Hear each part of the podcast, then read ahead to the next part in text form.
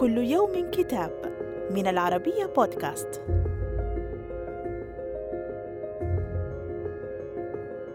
نتناول اليوم كتاب سيرة حياة عن مصير الإسلام والشيوعية في روسيا السوفيتية من تأليف السفير الروسي أوليغ أوزيروف وترجمة المصريين الدكتور محمد نصر الجبالي وعادل صديق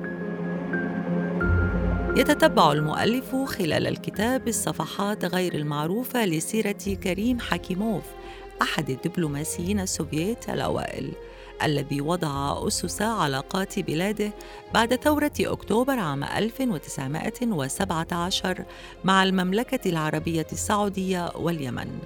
يمزجها بالأحداث التاريخية واسعة النطاق لتلك الفترة.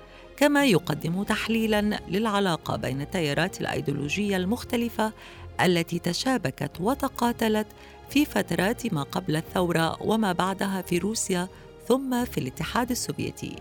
ويكشف الكثير من الحقائق غير المعروفة من قبل كما يلقي الكتاب الضوء على الدور الذي لعبه حاكيموف في عقد مؤتمر العالم الإسلامي.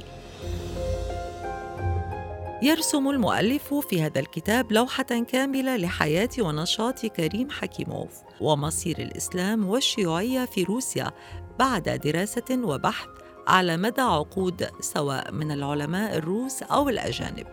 وكان موضوع نقاشات وجدل وصدامات دائمة. ومن خلال تناول سيرة حياة حكيموف الثرية يقدم أليك أوزاروف مقتطفات من التاريخ الدراماتيكي لروسيا في فترة التقلبات الثورية وقيام الاتحاد السوفيتي. صدر الكتاب عن دار نشر بيرو وإلى اللقاء مع كتاب جديد.